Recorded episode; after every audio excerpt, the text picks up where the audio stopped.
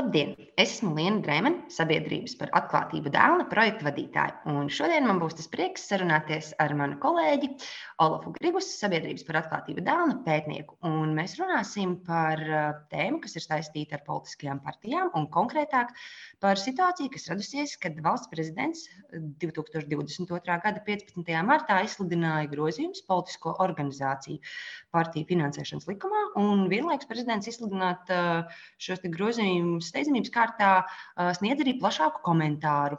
Ietverot tajā likuma vērtējumu un ieteikumus tālākajiem uzlabojumiem. Un komentārā ir uzsvērts, ka nepieciešamība sīkāk diferencēt partijām piešķirto valsts budžeta finansējumu, paredzēt papildus kritērijus, kas stimulētu iedzīgāku partijas darbību un tam līdzīgi. Līdz ar to ir ļoti interesanta situācija, par kuru parunāt gan par politisko kultūru kopumā, gan par eh, partiju darbību, gan par partiju demokrātiju.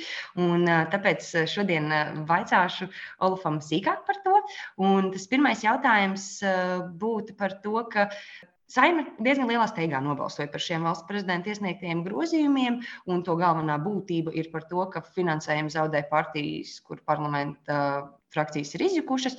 Un tu jau Olafs iepriekš minēji, komentējot šos grozījumus, ka tie, citējot tevi, problēmu uzlūko šauri, nevis no vairākiem skatu punktiem. Vai tu vari lūdzu sīkāk uh, paskaidrot uh, kopējo vērtējumu par uh, šiem te valsts prezidenta izsludinātiem grozījumiem?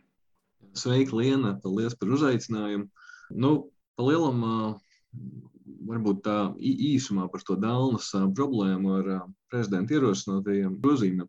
Pirmkārt, jau tā problēma, ko prezidents mēģina risināt, šis sasaistes trūkums starp partijām saņemto finansējumu un tādiem varbūt partiju darbības kvalitātes rādītājiem. Tad šīs sasaistes īsti nav līdz šim bijis, un tā ir problēma, kas noteikti ir jārisina. Mēs pilnībā Dēlna pilnībā pievienojuši šim prezidenta uzstādījumam. Bet tā problēma ir tāda, ka mēs īsti neredzam, kā šie grozījumi risinātu šo problēmu. Jo nu, patiesībā jau tas, ko mēs redzam, ir, ka mēs kaut kā savalkam šo vienādības zīmi starp spēcīgām frakcijām, kas darbojas saimā, un spēcīgām partijām. Un, un to, ka ja, ja mums ir frakcijas, kas tā teikt, tā vienot darbojās saimā, tas, tas, tas uzreiz automātiski nozīmē arī sasaisti ar, viņu, ar ievēlēto deputātu politiskajām partijām, un ka ir šī konstruktīvā sadarbība, un ka varbūt partijas ar savu analītisko kapacitāti sniedz kaut kādu ieguldījumu deputātu darbā, bet tas tā noteikti neobligāti ir. Jo mēs noteikti varam iedomāties scenārijus, kad patiesībā samē ievēlētie deputāti turpina sadarbību vienā frakcijā, bet patiesībā varbūt nemaz nekontaktējās ar savu partiju, no kuras saraksta viņi ir ievēlēti. Viņi to pilnīgi mierīgi šobrīd var darīt arī ar jaunajiem grozījumiem prezidenta. Nekas viņiem netraucēs to darīt. Un diezgan absurdi nu, patiesībā sanāk, ka gadījumos, kad šie deputāti turpinās darboties savā frakcijā vienoti, pat ja viņi vairs nerunās ar savu partiju, vispār partija turpinās saņemt finansējumu. Tā it kā būtu šī spēcīgā sadarbība, un tas ir tā absurdi. Mūsu ieskatā tas, ko drīzāk šie grozījumi dara, ir varbūt spēcina frakciju institūciju saimām. Proti, mēs ar to nostiprinām saimnes frakciju lomu un parādām to kā, kā tādu lieta, kas ir ļoti svarīga. Un, attiecīgi, ne, deputāts nedarbojoties frakcijā, it kā nemaz nav pilnvērtīgs deputāts. Un tas varbūt ir tas galvenais rezultāts šiem grozījumiem. Bet vai tas kaut kā veicinās sadarbību automātiski starp deputātiem un viņu partijām? Noteikti, ka nē. Vienīgais tāds netiešais iegūms, ko mēs varbūt varētu saskatīt, ir, ka varbūt tas kaut kā liks partijām vairāk piedomāt pie tā, kādas, kādas personības tieši tiek iekļautas vēlēšanu sarakstos, un uzmanība vairāk tiks pievērsta tam, lai netikt ievēlētas personas, kur, kurām ir vājas saiknes bijušas ar partiju, piemēram, cilvēki, kur piesaistīti tikai tieši pirms vēlēšanām. Varbūt mēs varētu cerēt kaut ko tādu, redzēt mazliet mazāk šo grozījumu iespējā, bet es atklāti sakot, īpaši liels cerības uz to neliktu. Jo nu, Latvijas partijām ir tā, tā, tāds ļoti liels vājums, tas, ka ir šis mazais biedru skaits un attiecīgi nav jau nemaz tik liels izvēles attiecībā uz to, kādus cilvēkus iekļaut šajos vēlēšanu sarakstos. Un, um, tāpēc es ļoti šaubos, vai tam būs kaut kāda vērā ņemama ietekme pozitīva tādā ziņā. Paldies, tev, Olaf. Es tev absolūti varu tikai pievienoties, un paldies, ka tu vēl vienreiz uh, nosauc tās lietas, kuras jau mēs esam identificējuši, un to centrālo jautājumu, vai šie grozījumi pēc būtības atrisinās šo jautājumu. Man ļoti patīk, ka tu iezīmē jau potenciālos iespējamos ieguvumus, un noteikti cerēsim uz, uz, uz, to, uz, to, uz to labāko, bet uh, tas jau arī, ko tu piemini, un par to arī pēc brīža sīkāk runāsim, kas skar uh, politiskās kultūras uh, jautājumus tieši konkrēti varbūt par šo te, uh, biedru skaitu un, un partiju kvalitīvo darbību, bet vēl pirms tam vēl par to pašu, pašu, pašu, pašu eh, grozījumu būtību un to finansējumu. Kā tev šķiet, vai tas finansējums, kas ir atvēlēts eh, partijām, nu, nav pārāk ļoti eh, dāsns un, un, un, un tas, ka varbūt kā partijas izlietos un kā šīs izmaksas varētu būt atšķirīgas, vai, vai, vai tas ir pamatoti? Nu, viena vien lieta, kas jāņem vērā, ir ka tas, kā partijas šo finansējumu izlieto, nu, nu, zināms, ka šī varētu nosaukt par reformu politisko partiju finansējumā, palielinot, ievērojami palielinot uh, valsts piešķirtā finansējuma apjomu. Tas ir tāds salīdzinoši nesens fenomens Latvijā, un attiecīgi varbūt tas, uh, tas kā šie šīs valsts naudiņi, kas tiek piešķirti politiskajām partijām, vēl nav tā, tā pamatīgi izvērtēts. Arī ilgtermiņā mēs neredzam, uh, kāda, kādas iespējas ir uz partiju attīstību šim finansējumam bijis, bet uh, viena lieta gan, kas uh, ir varbūt uzreiz atzīmējama ir arī kā Ieveta Kažoka no Providus organizācijas ir um, teikusi, tas, kā mēs nonācām pie šīs šobrīdējā finansējuma apjoma, kas no valsts puses tiek piešķirts, nu, bija šis salīdzinājums starp uh, Latviju, Igauniju un Lietuvu, protams, kā parasti. Un, uh, nu, visbiežāk varētu teikt, ka tiek salīdzināts tieši Baltijas valsts, un tam noteikti ir arī labi iemesli, bet ir jāņem vērā, ka, kā jau es iepriekš minēju, biedru skaits Latvijas partijās ir salīdzinoši ļoti mazs. Un tad, attiecīgi, varētu argumentēt, ka kaut kādām funkcijām, varbūt partijām Latvijā naudiņu varbūt nevajag tik daudz kā citās valstīs, tīri tāpēc, ka teikt, šī te sadarbība un darbs partijā ir jāorganizē starp mazāk cilvēkiem. Nu, piemēram, nu, tāds varbūt primitīvs piemērs kaut kādā ziņā, bet, eh, teiksim, ja jāorganizē kāds pasākums, uzaicinot biedrus, tad varbūt ir atšķirība, vai tu aicini dažus simtus biedru vai virs desmit tūkstošiem. Nu, tas būtu tāds, varbūt, eh, nu, viens piemērs, bet, nu, jebkurā gadījumā kaut kādas atšķirības starp šīm partijām noteikti ir. Un tad uh, varbūt ir pamatots tas jautājums, vai tiešām bija vajadzīgs pielīdzināt šo saņemtā atbalsta apjomu starp visām trīs valstīm. Uh, Un attiecībā uz to, kā finansējums tiek izlietots, eh, nu, tur savukārt eh, droši vien arī, arī regulējumā joprojām ir vieta uzlabojumiem.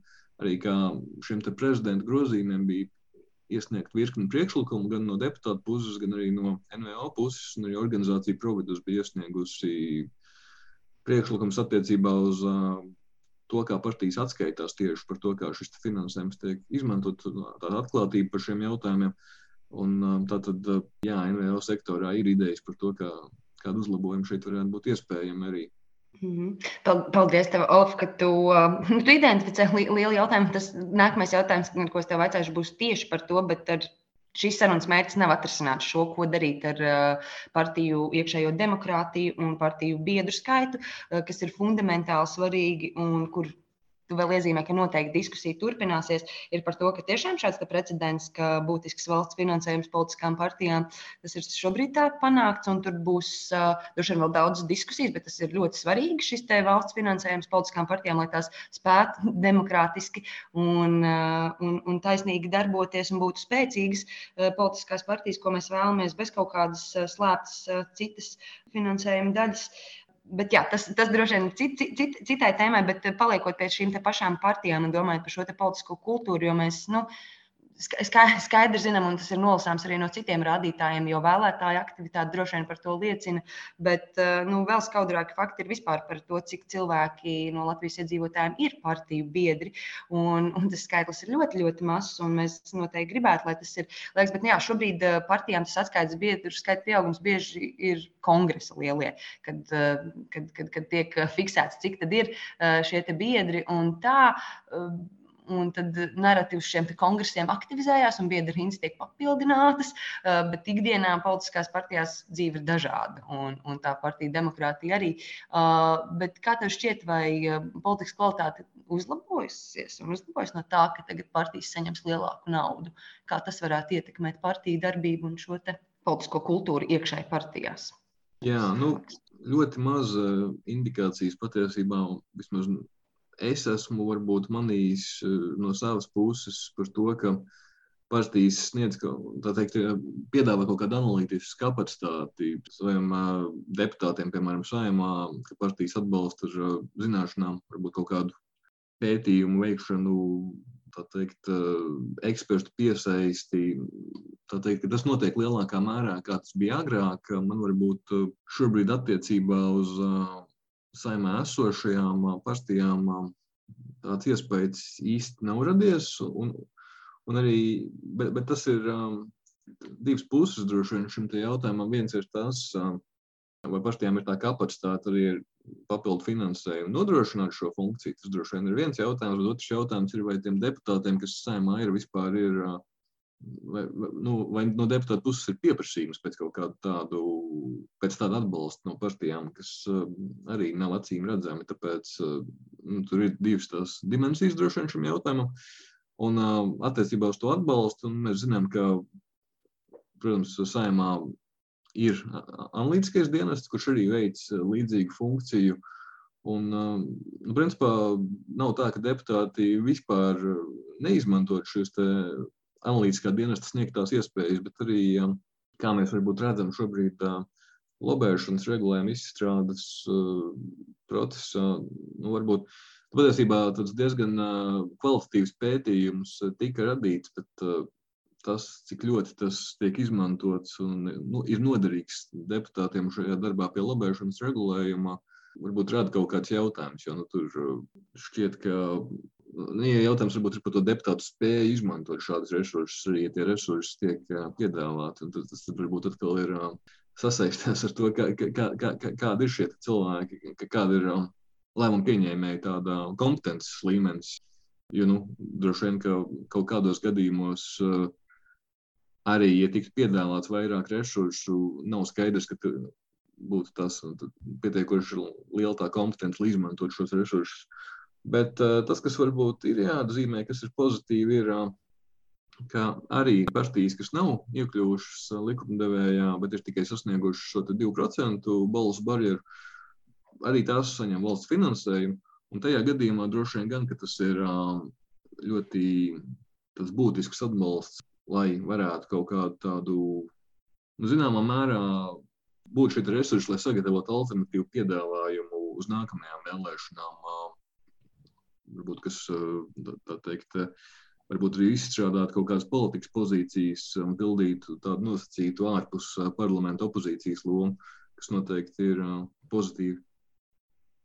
Ne, tikai var pievienoties tam, ka nu, mēs esam demokrātiska sabiedrība, kur mums ir daudzas partijas un, un, un partiju daudzveidība pie mūsu sabiedrības situācijas ir noteikti laba un vajadzīga, lai tieši nonāktu pie tāda pēc iespējas pieņemamāka lēmuma visām interesu grupām. Tāpēc noteikti atbalstīt jaunos topošos politiskos spēkus, zinot to, ka visiem jau kā mantra skan kaut būtu jaunas partijas un jauni politiķi, tad tas noteikti mūsu demokrātijai nāk tikai un vienīgi par labu.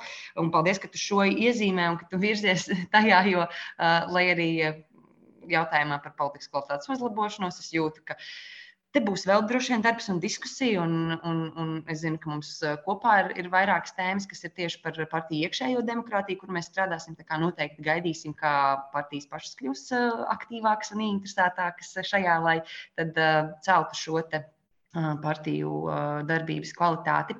Bet, tad, tuvojoties varbūt sarunas noslēgumam, es tev pavaicāšu dažus precīzākus piemēru jautājumus. Un tad viena tāda situācija, nu, piemēram, ierakstam knapu datubāzē vārdu uzvārdu Jānis Zuzāns un redzam, ka viņš kādreiz īsti, kā, īsti nebūtu ziedojis kādai partijai. Tajā pašā laikā mēs ļoti labi arī dzirdam par to, ka viņam ir ietekme uz azartspēļu biznesu un uz politiskiem lēmumiem, un ka tā arī diezgan esot samazinājusies pēc tam, kad tika pieņemts likums par lielāku partiju finansējumu no valsts budžeta. Nu, respektīvi, partijas it kā saņem šo valsts finansējumu, ko jau mēs pirms brīža pieminējām, kas ir svarīgi, lai stiprinātu politisko partiju darbību demokrātiskajā sabiedrībā, bet vienlaikus jā, šie nezināmie ziedotāji. Kā tu to skaidrotu?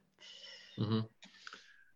Jā, tas patiesībā ir ļoti labs jautājums. Tas ir jautājums varbūt par tām, par tiem, par tām robežām, cik tālu mums palīdz kaut kādi šādi rīki, kā KNAP, korupcijas novēršanas apkarošanas biroja, šī ziedotāja datubāze. Arī mans pieminētais jau šis lobēšanas regulējums, kas šobrīd ir tapšanā, ir paredzēts izveidot lobētāju reģistru. Tad jautājums ir, nu, vai, vai būs garantija, ka visi lobētāji tur parādās. Nu, tie ir saprotami jautājumi. Un nevienā, ne otrā, protams, ka neparādīsies uh, visas personas, kam varbūt ideālā gadījumā mēs varētu sagaidīt, ka tur parādīsies. Tomēr uh, ir jāsaprot, ka arī šādā situācijā, kad, uh, kad mēs nedzīvojam ideālā pasaulē, šīs sistēmas jebkurā gadījumā palīdz uh, izgaismot tādu kopējo lauku kaut kādā jomā. Mums ir tāda, tāds vispārīgs priekšstats par to, no kurienes radās uh, politiskas organizācijas finansējums. Uz gadījumos, kad ir runa par kaut kādu slēptu finansējumu, kas tiek novirzīts organizācijām vai politiķiem veidos, kas uh, apiet to formālo sistēmu, tad uh, nu, tos tad arī attiecīgi mēs varam vairāk tā fokusēt skatu un meklēt šādus gadījumus, uh, un, un arī pamanīt, ka notiek kaut kādas tādas uh, mums nesaprotamas darbības. Uh, teiksim, ja mēs kaut kur dzirdam, ka kāds no politiskās organizācijas, mūsu part, teiksim, esam partijas biedrs, mūsu partijas vadības, kāds cilvēks kaut ko ieminās par finansējumu no kādas personas, par ko mēs zinām, ka šajā knāba ziedotāja datubāzē, piemēram, nav nekādas informācijas, tad mums uzreiz ir skaidrs, ka mums ir jāuzdod jautājumi jāmēģina noskaidrot, par ko šeit ir runa. Tāpēc es teiktu, ka šeit ir tādas divas ļoti svarīgas komponentes visā šajā stāstā. Ir viens ir, kas ir tie formālie šie te, nu, noteikumi, kas varbūt izgaismo tā vispārīgu lauku un nodrošina to, ka tas minimālais nepieciešamais informācijas apjoms ir pieejams, lai vispār orientētos tajā, kā,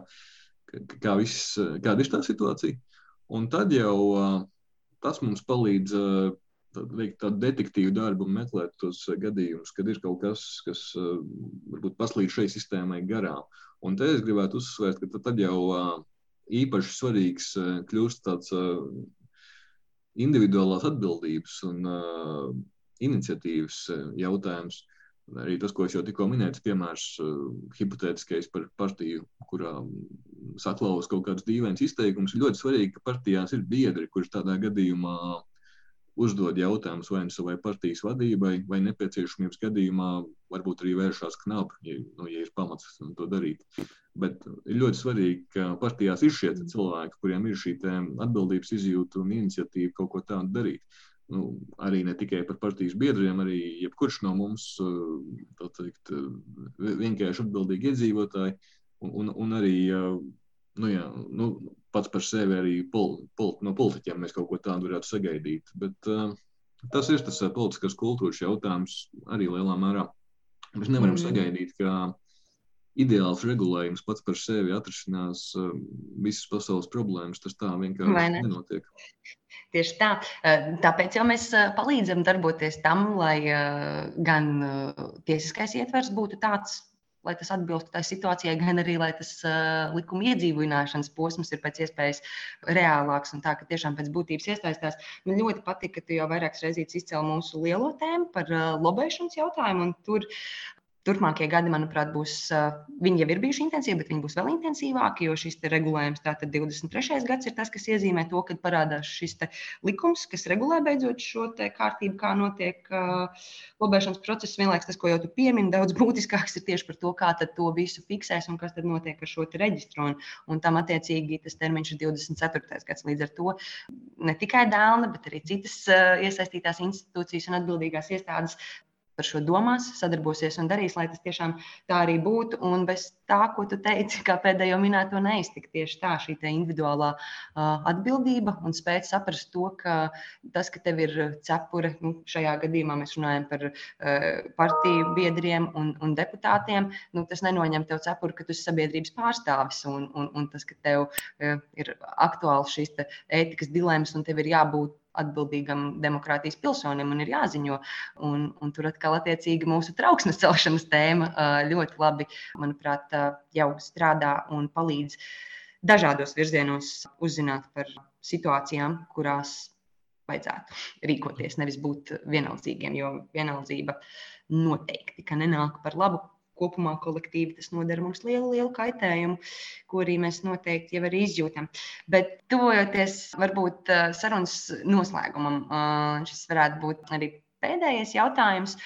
Tad, kad jau komentēju iepriekš par, par, par, par šo grozījumu, iesniegšana bija iebildumi par to, ka atbildīgā komisija, kas izskatīs šo partiju finansēšanas likumu, būs Saimnes budžeta un finanšu nodokļu komisija. Un tad atgādinājām, ka šīs komisijas vadītājs ir Mārtiņš Bondars, kurš ar tiesas lēmumu faktiski ir atzīts par līdzvainīgu Latvijas Krājbankas novešanā līdz maksāt nespējai.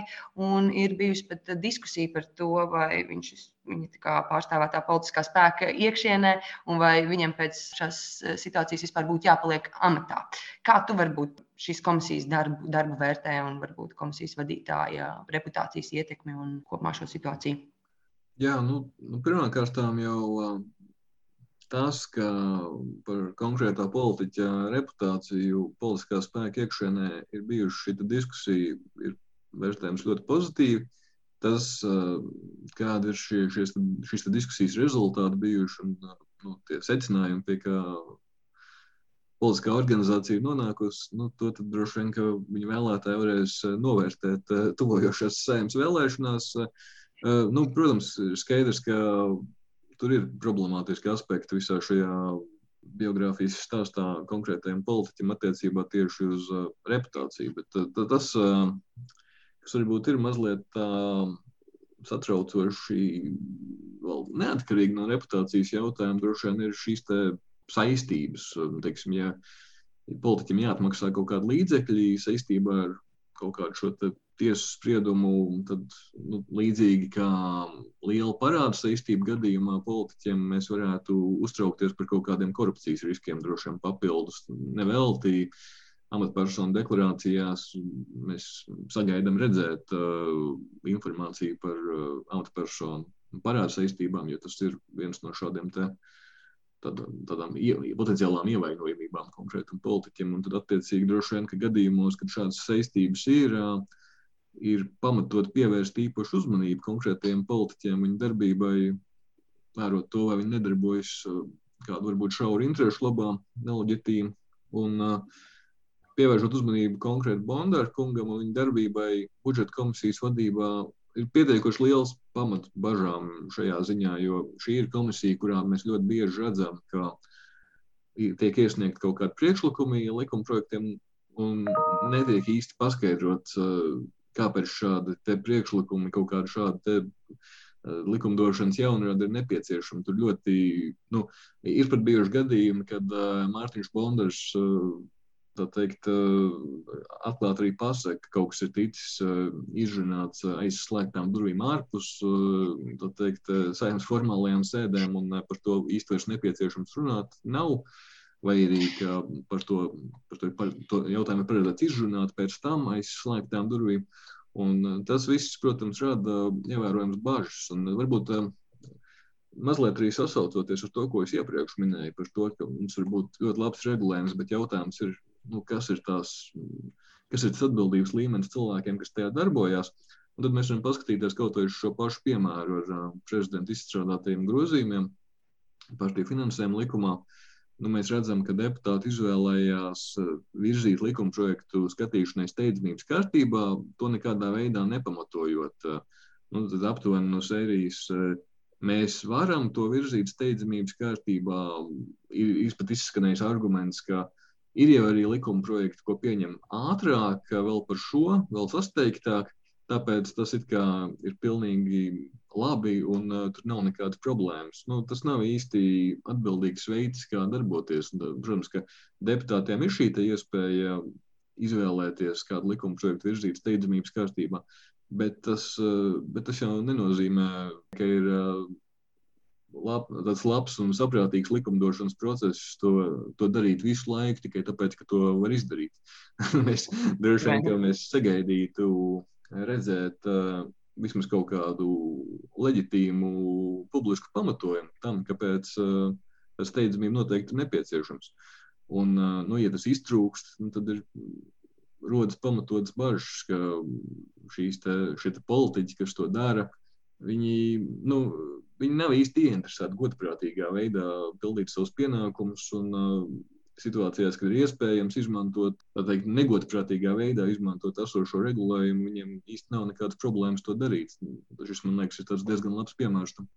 Mm. Sirsnīgs tev paldies, Olaf, ka tu nosauc vārdos tik fundamentāli, bet īstenībā tieši tik primitīvu problēmu, kas stāsts ir par spēju pamatot savus lēmumus un skaidrot. Un šis ir tas, ar ko mēs eh, konstanti saskaramies dažādos eh, virzienos, gan, gan, gan, gan, gan lielākos, gan mazākos kontekstos. Bet eh, jā, par savu lēmumu pamatošanu šis ir tas arī, kas tad ir tā problēmas cēlonība, kā tu to labi. Uh, noraksturoja, kas arī liek pievērst uzmanību tam, cik godprātīgs ir konkrētais uh, deputāts vai, vai, vai amatpersona. Bet man, un piedod, kas klausoties tevi, uh, un te nebūtu īstenībā vieta smiekliem, te būtu vieta raudāšanai, jo ja tieši šādas reputācijas cilvēki tieši šādi, kā tu nosauci, rīkojās, tad īstenībā tie ir tādi izmisuma smiekli, jo tas nav pieņemami, ka uh, demokrātiskā valstī var pateikt, uh,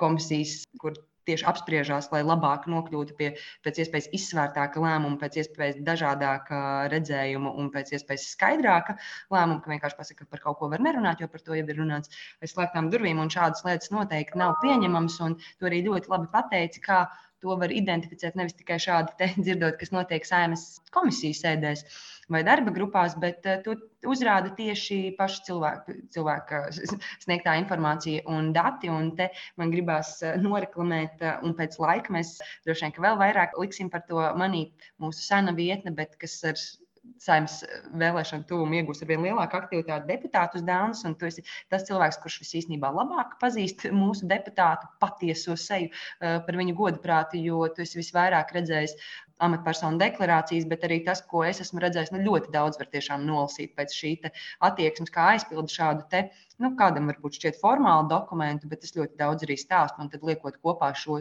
tieši um, argumentāciju no konkrētiem uh, politiķiem un viņu faktisko darbību, var ļoti daudz lietas saprast. Un tas ir tas, ko mēs arī ļoti, ļoti aicinām ik, ikvienu uh, darīt gan ikdienā, gan noteikti arī tuvojoties saimnes vēlēšanām skatīties, vai vārdi atbilst darbiem un par to, cik pamatoti arī deputāti runā.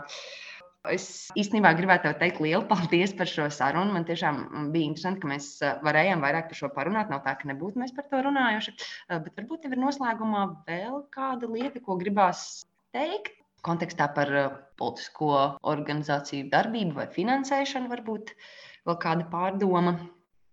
Jā, es, protams, es vēl protams, daudz ko varētu pateikt par šo tēmu, bet varbūt atgriežoties pie tām prezidenta komentāru, izsludinot mhm. grozījumus.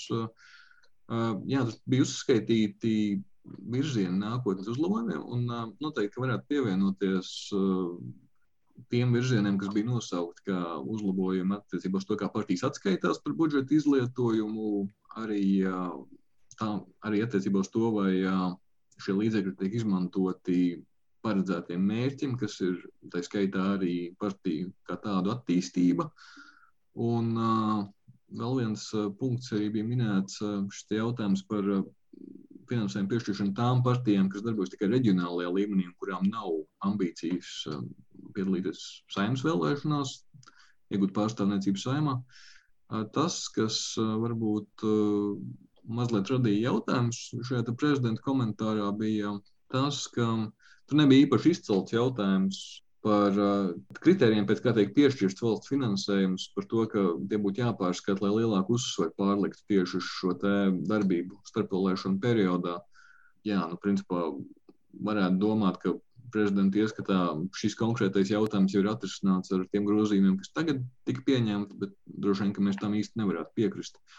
Un uh, vēl viens ļoti būtisks punkts, kas gan neatiecas uz šo likumu, bet uh, arī ir saistīts ar šīs pašas problēmas risināšanu, ir uh, jautājums par vēlēšanām un uh, vēlētāju piekļuvi informācijai par kandidātiem. Specifiski domājot par uh, kandidātu partijsko piedarību. Jo bieži vien nu, mēs zinām, ka Latvijā no partiju sarakstiem vēlēšanās ir kandidēti arī personas, kuras vai nu ir, teikt, nav partijas biedri, vai pat ir citu partiju biedri. Un uh, vēlētājiem droši vien būtu jābūt iespēja uzzināt par šo faktu. Tas ir pietiekoši svarīgs, tāpēc varbūt varētu domāt par to, vai vēlēšana likuma nebūtu jāpapildina uh, ar to, ka iesniedzot šos kandidātu sarakstus, ir vajadzīgs sniegt informāciju nu, nevien piemēram par uh, izglītības līmeni, bet arī par uh, partijasko piedarību, vismaz esošo.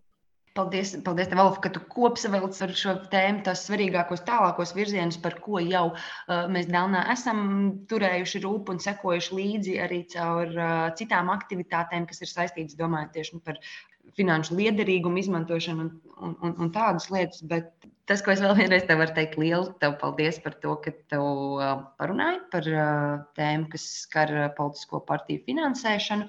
Un, vēl vienreiz atkārtojoties, ka jā, mums tiešām rūp tas, lai šis tiesiskais regulējums jautājumos, kas skar atklātību, kas skar korupcijas novēršanu, kas skar demokrātijas stiprināšanu, mums ir svarīgs, lai tas ir pamatots atbilstoši tā, kā vajadzētu situācijā, un tā, lai tas ir saprotams. Vienlaikus mums ir vēl vairāk svarīgi, ka šis likums patiesi darbojas un, un tā faktiskā pielietošana atbilst tam, kāda ir bijusi šī te, uh, likuma uh, burta gara jēga.